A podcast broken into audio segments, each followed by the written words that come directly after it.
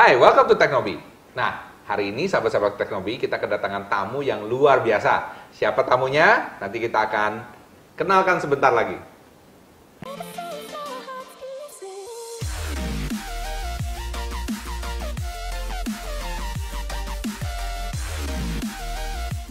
Mas Andri ini adalah partner saya di Digimaru. Oke, jadi hari ini berkesempatan hadir uh, di studio untuk uh, kita todong nih pertanyaan-pertanyaan yang asik-asik ya. Karena ada banyak sekali pertanyaan dari sahabat-sahabat Teknobi yang menanyakan mengenai bisnis online. Nah, saya langsung aja deh bawa pakarnya di sini. Jangan susah-susah Pak Mike.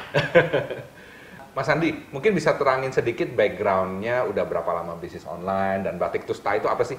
Oke, ya perkenalkan saya Andri Firmansyah, saya owner dari batiktusta.com. Nah, saya memulai usaha itu Pak Mike dari awalnya dari offline dulu. Oke. Ya, saya punya toko di salah satu mall di Surabaya. Bukan cuma satu dua toko tapi sampai empat toko Pak Mike. Wih. Nah, kemudian singkat cerita saya melihat potensi bisnis online itu tambah lama tambah keren, tambah gede yang sehingga menggerus bisnis offline. Itu tahun berapa tuh? Itu sekitar 5 6 tahun yang lalu lah. Wah, Oke. cukup lama. Oke. Nah, ketika itu saya memulai memutuskan untuk beralih channel yang tadinya offline full sekarang jadi ke online Full. Full. Oke. Ya, dan toko itu semua kita tutup. Itu rasanya gimana ya? Mungkin banyak sahabat-sahabat yang pengen tahu juga karena mungkin kalau dari bisnis offline tiba-tiba online kan kaget ya, bingung gitu ya. Ya, awal ketika saya masuk ke online, jangan dibayangkan saya sudah punya omset, Pak Mike. Oke. Jadi omsetnya masih ratusan ribu seharinya. Ratusan Ya. ribu. Wow. Tapi karena waktu itu saya yakin karena ngelihat teman saya Mhm. Yang dia sudah menjalankan kurang lebih setahun dua tahun, hasilnya sekitar kurang lebih 3-4 kali lipat dari omset 4 toko offline saya. Oh, Ya. wow. Oke. Nah dari situ saya mulai melihat, wah ini sudah nggak main-main gitu loh. Hmm. Kalau memang ada orang yang sudah sampai sana gitu kan, berarti kan tinggal kita cari cara jalannya. Sehingga kok keyakinan itu yang membuat saya akhirnya memutuskan, oke kita fokus di online, Jadi ada temennya Mas Andri yang jalanin bisnis online. full online, Hah? Pas Mas Andri masih bisnis offline. offline ya. Empat toko, tapi omsetnya berapa kali? Tiga empat kali lipat lebih Tiga, besar daripada empat toko kali saya. lebih besar daripada empat toko bayangin coba. Ya. Oke. Dan pasti yang jelas eh, biaya propertinya nggak ada kalau Hmm. untuk online. Ya itulah yang buat saya akhirnya oke kayaknya ini kita harus eh, menekuni bisnis online. Oke. Oke. Nah, eh, sedangkan dengan eh, akhir-akhir ini menjalani Batik Tusta, mungkin bisa cerita sedikit Batik Ya. Tusta tuh gimana mulainya? Ya, Batik Tusta ini satu brand lokal batik yang saya kembangkan kurang lebih awal tahun ini, Pak Mike. Nah, kebetulan saya kenal salah seorang teman saya yang dia sudah belasan tahun di dunia batik. Oke. Nah, dia juga sama full offline. Nah, kebetulan dia ngeliat saya sudah online, sudah jalan di beberapa produk, dan dia tertarik gimana sih caranya kita memasarkan batik secara online. Oke. Dan saya analisa marketnya, produk industrinya seperti apa, dan saya melihat ini potensinya gede sekali untuk batik ini. Hmm. Sehingga saya putuskan di awal tahun ini untuk mengembangkan brand batik, yaitu Batik Tusta. Oke. Jadi eh, sekarang jualannya di mana kalau boleh share? Saya gunakan banyak channel, salah satunya eh, di Instagram Hmm. ya dan Facebook terutama. Oke. Dan kita juga pakai website juga Pak Mike. Oke. Jadi di batiktusta.com tadi. Jadi bisa check out langsung gitu ya? Ya, yang menariknya karena kita memilih marketnya adalah para pekerja. Jadi batik itu banyak Pak Mike. Ada Iya. batik kerja, ada batik glamor, batik pesta, ada macam-macam ya. Iya. Saya mengambil segmen batik kerja. Oke. Yang mereka itu rata-rata adalah para pekerja profesional Hmm. yang memang ke kantor rata-rata hari Jumat minimum Iya. sekali itu pakai batik. Ya. Oke. Nah, yang menarik adalah karena mereka sudah banyak paham mengenai dunia online, sudah pernah belanja online. Yang tadinya saya punya bisnis online yang lain tuh masih order by chat WA. Hmm. Di Batik Tusta ini 70% mereka sudah tukar via website. Oh. Gitu. Jadi sudah teredukasi ya, Ya. sekarang ya?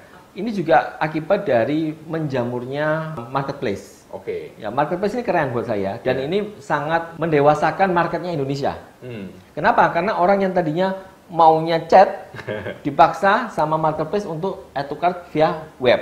Oke. Kenapa mau? Karena murah. Ah. Kenapa mau? Karena free ongkir. Yes, yes. Akhirnya dia belajar. Memang lucu kadang. Saya juga menjalankan salah satu marketplace dengan Ya. produk yang berbeda, fashion. Pertanyaan kadang konyol, ya gimana cara ordernya? Ya, seperti itu.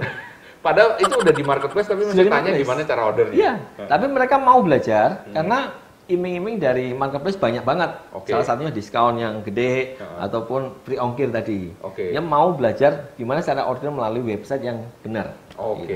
iya. Efeknya sekarang eh, orang sudah nggak asing kok cart via website. Ini berita bagus ya. Mungkin banyak dari pebisnis online atau teman-teman baru mulai di sana taunya kalau bisnis online itu chat lewat WA, oke? Ya. Dan itu repot banget sangat manual. Tapi kalau sekarang sudah berani cart, berarti sekarang mereka sudah mulai pakai sistem. Apalagi kalau sampai 70%, saya yakin ke depannya pasti Lebih gede lagi. lebih gede lagi. Iya, Dan betul. lebih enak tentunya kalau Anda bisnis online, betul ya? Ya. Yang satu yang signifikan bedanya adalah menaikkan produktivitas dari tim saya. Oke. Yang tadinya kalau satu orang bisa menghandle chat maksimum 100 chat, Ya. nah mendadak kita bisa menerima order lebih banyak Hmm. dengan effort yang lebih kecil. Mm. Kenapa? Karena konsumen sudah melakukan pemasukan data pribadi sendiri langsung melalui website. Yang tadinya harus CS sendiri yang input. Mm. Oke, oke. Itu kerennya di situ sih. Naik, naik.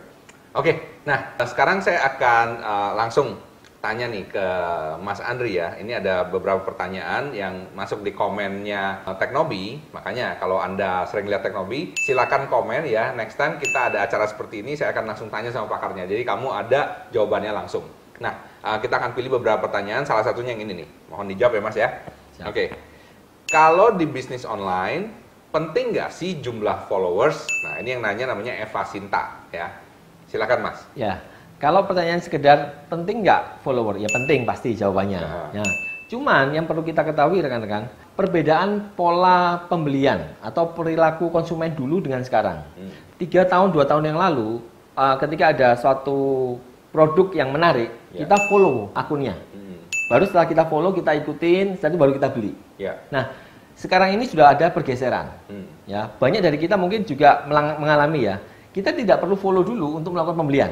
Oke. Ya, mungkin Pak Mike juga pernah, gitu, nggak follow tapi kita beli, Iya. ya kan? Nah, uh, apakah berarti ini follower nggak penting? Nggak juga, tapi intinya apa? Kita tidak bisa menjadikan follower jadi satu-satunya kriteria Hmm. bahwa perusahaan ini akan bagus atau enggak. Hmm. Kenapa? Karena sekarang orang sudah tidak lagi harus follow Betul. untuk uh, kita suka suatu produk. Hmm. Nah, perangnya sekarang adalah di top of mind, Pak Mike. Hmm. Contohnya misalnya, ketika kita ngomong sepatu, sepatu cowok online, kira-kira Pak Mike apa yang kepikir? Belum ada. Ada satu. Apa? Brodo. Nah, Bruno, maka itu jauh lebih penting daripada hanya sekedar follow. Oke. Buat saya. Ya. Contoh misalnya, saya pernah follow banyak akun, Ya. tapi saya lupa Hmm. Itu merek apa aja sih yang saya follow. Nggak jelas. Eh, Itu kan nggak penting lagi orang follow kita. Iya. Yang lebih penting Pak Mike nggak follow Brodo, tapi ingat ketika tanya produk uh, sepatu online, langsung ingat Brodo. Itu jauh lebih penting buat kita. Kenapa? Ketika suatu saat Pak Michael butuh, Mm-mm. maka itu berpeluang untuk dilihat lagi sama Iya. konsumen tadi. Maka follower penting apa enggak? Penting. Tapi yang lebih penting adalah bagaimana ketika konsumen melihat akun Anda dan itu melekat di dalam otak mereka sehingga suatu saat ketika dia butuh produk Anda, Hmm. yang diingat adalah produk Anda, bukan kompetitor. Ya. Sebenarnya kita ada ajarkan juga di dalam workshop dan di event-eventnya di Gimaru ya, uh, bareng dengan partner kami yang lain, uh, Mas Antoni, itu belajar mengenai branding ya. Jadi gimana supaya brand Anda itu menjadi top of mind. Kalau saya mau mie instan, ingatnya apa? Nah, langsung. Kalau saya mau beli uh, susu bayi, ingatnya apa? Langsung. Saya mau beli minyak kayu putih, ingatnya apa? Nah, itu seperti itu ya. Ya. Oke, sip. Mantap sekali. Nah, eh, pertanyaan selanjutnya. Kalau saya baru mulai bisnis online, lebih efektif saya endorse pakai selebgram atau saya ngiklan? Ya, ini pertanyaan dari Vivi Dianasari. Kalau saya dua-duanya, Pak Mike. Oke. Memulai mana yang dipilih itu dua hal yang tidak bisa dipilih. saya menggabungkan kedua-duanya. Hmm. Jadi saya endorse tadi melalui artis, kemudian hasil dari endorsement tadi uh, fotonya atau videonya saya ads-kan, Hmm. saya iklankan. Iya. Sehingga uh, orang lebih aware dengan materi iklan kita, Betul. kontennya dibandingkan kalau kita pakai uh, model-model biasa, karena kita pakai artisnya untuk diiklankan. Hmm. Jadi itu penggabungan yang cukup signifikan uh, hasilnya sampai sekarang yang saya lakukan itu. Hmm, oke. Nah, itu tips menarik tuh, ya kan? Jadi kalau namanya endorse apa iklan, ya dua-duanya lah, Ya. oke. Nah, ini juga saya rasa yang eh, kebanyakan daripada pebisnis online pemula ya tidak menyadari. Jadi mereka tuh mikirnya yang mana nih yang paling efektif? Sebenarnya nggak ada cara satu yang paling efektif, harus kombinasi, harus Ya. gabungan, ya. Oke, Mas Andri, ini ada pertanyaan ketiga dan terakhir nih ya, oke. Gimana sih caranya jualan kita agar bisa selalu dilihat dan diperhatikan saat kita upload di Facebook? Nah, ini pertanyaan dari Basuki Rinanto. Ya, sebenarnya itu general Pak Meng, Ya. bukan hanya di Facebook, termasuk di Instagram ataupun di YouTube atau di mana pun channel penjualan Anda. Kunci paling penting adalah konten sebenarnya. Hmm. Ya, kenapa? Karena eh, setiap detik itu kita punya kompetitor terus upload juga. Ya. Bukan cuma kita sendiri yang berjualan, banyak orang lain yang jumlahnya juga ratusan tadi juga melakukan eh, promosi yang sama. Nah, ketika konten kita mirip-mirip ataupun malah justru di bawah kualitasnya, maka konten kita akan diabaikan. Iya. Maka kuncinya supaya orang melihat, pastikan konten itu benar-benar menarik dan memang sesuai dengan apa yang dibutuhkan oleh market. Hmm. Oke, contoh misalnya kalau saya batik ya Pak Mike, Ya.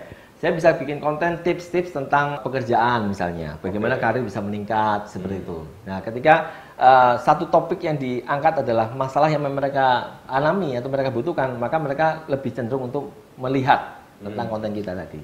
Oke, intinya bikin konten yang relevan pastinya ya. Dan kalau mau lebih cepet, ya udah langsung bayar aja, pasti dilihat. Oke, pakai reach dan klik yang lebih tinggi.